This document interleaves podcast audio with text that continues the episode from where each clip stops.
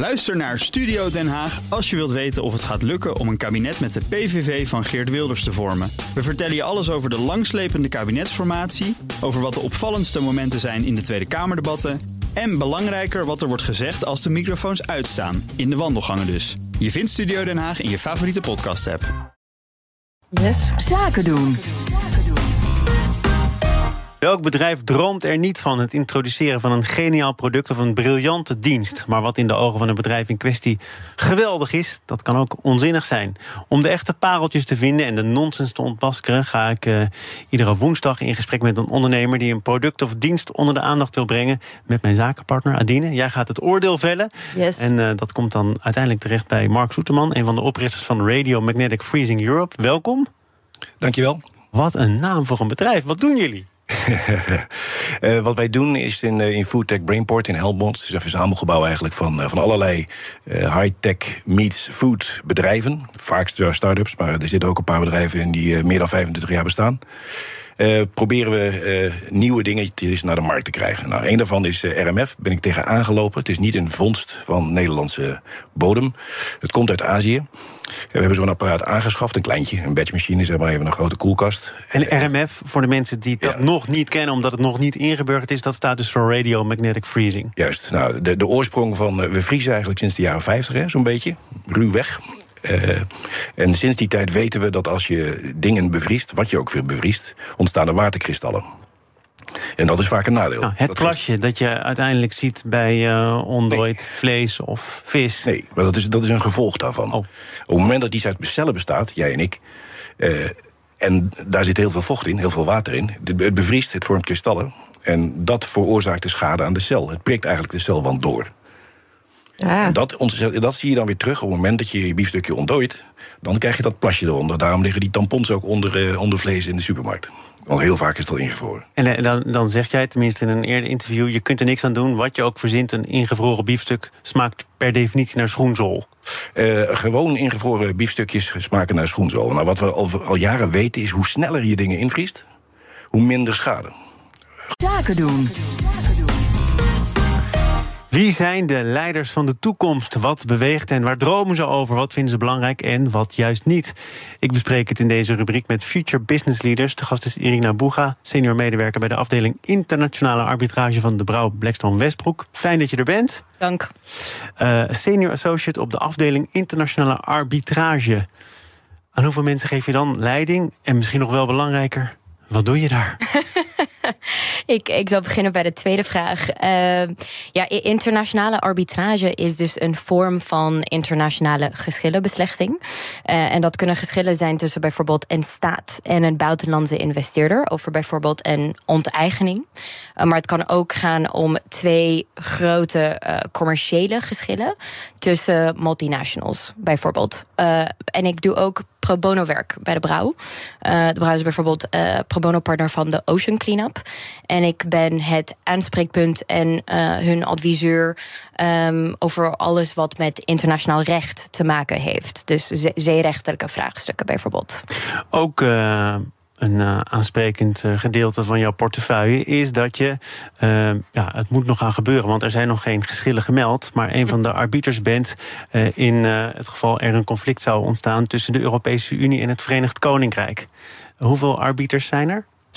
Ja, uh, er zijn dus zes uh, potentiële arbiters. Ik ben dus, dus benoemd tot een lijst van zes arbiters. Scheidsrechters is ook een, een ander woord. Um, en uh, voor, voor, toekomstige geschillen tussen de Europese Unie en het Verenigd Koninkrijk. en die geschillen moeten nog komen, inderdaad, als ze gaan komen. Waar, waar, moet, ik, waar moet ik dan aan denken? Ja, het, kunnen, het kan ja, over een breed scala aan onderwerpen gaan handel, uh, maar ook bijvoorbeeld toegang tot de visserij. Dus je kunt denken aan bijvoorbeeld um, uh, en als, als uh, de Britse regering de invoer van een bepaald product wil verbieden, van foie gras wil verbieden, dan kan dat tot een schending van de overeenkomst leiden en tot een, tot een geschil.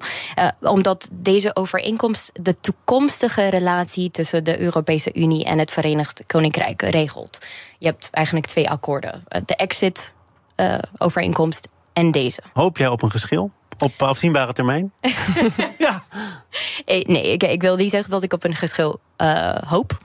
Uh, maar ik ben. Uh, dat is razend interessant. Maar, maar, het is ongelooflijk interessant. Dus als het, als het gebeurt, dan, dan, dan zou ik het een, een, een echt een uitdagende ja, kans vinden. Hoe, hoe, hoe eervol is het? En dan niet te bescheiden, want je bent een van de zeer, zeer, zeer weinige arbiters in conflicten die hoog kunnen oplopen, die ongetwijfeld ook uh, media-aandacht zullen genereren, die verstrekkende gevolgen kunnen hebben. En jij bent er een van.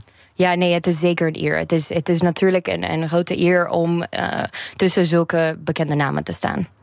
Hoe denk je dat je daartussen bent komen te staan?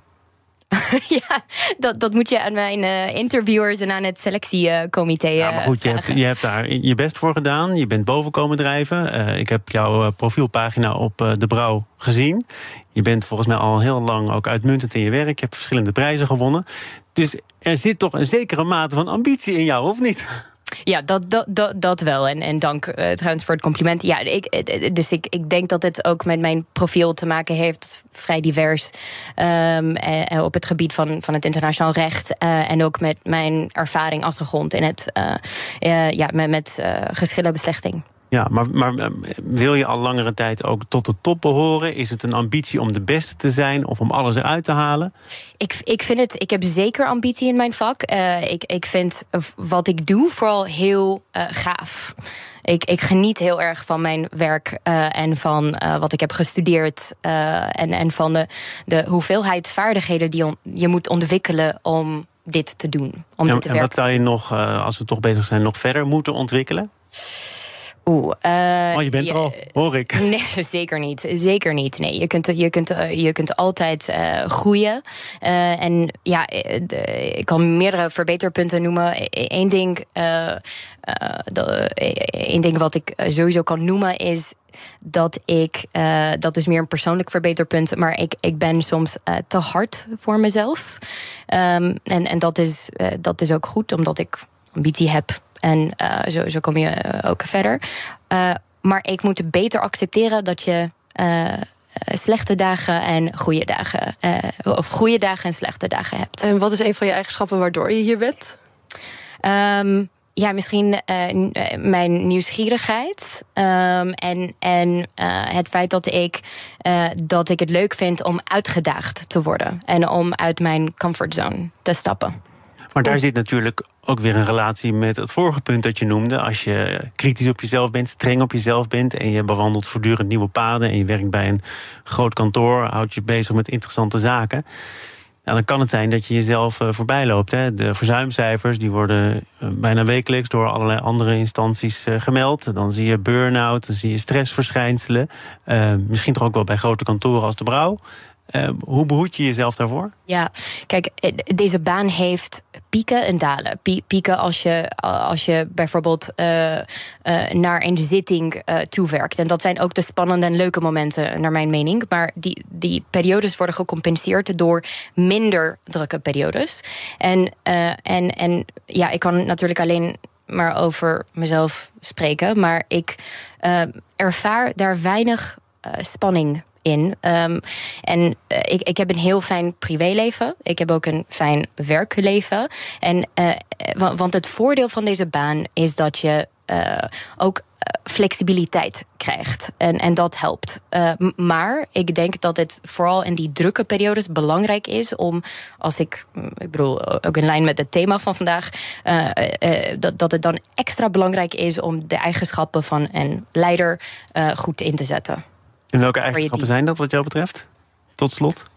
Ja, de, um, wat voor mij sowieso heel belangrijk is, is uh, ik, ik, ben heel mensengericht. Uh, ik denk dat uh, goede en open communicatie ongelooflijk belangrijk is om over verwachtingen, tijdslijnen, hoe we elkaar kunnen helpen, empathie hebben en tonen.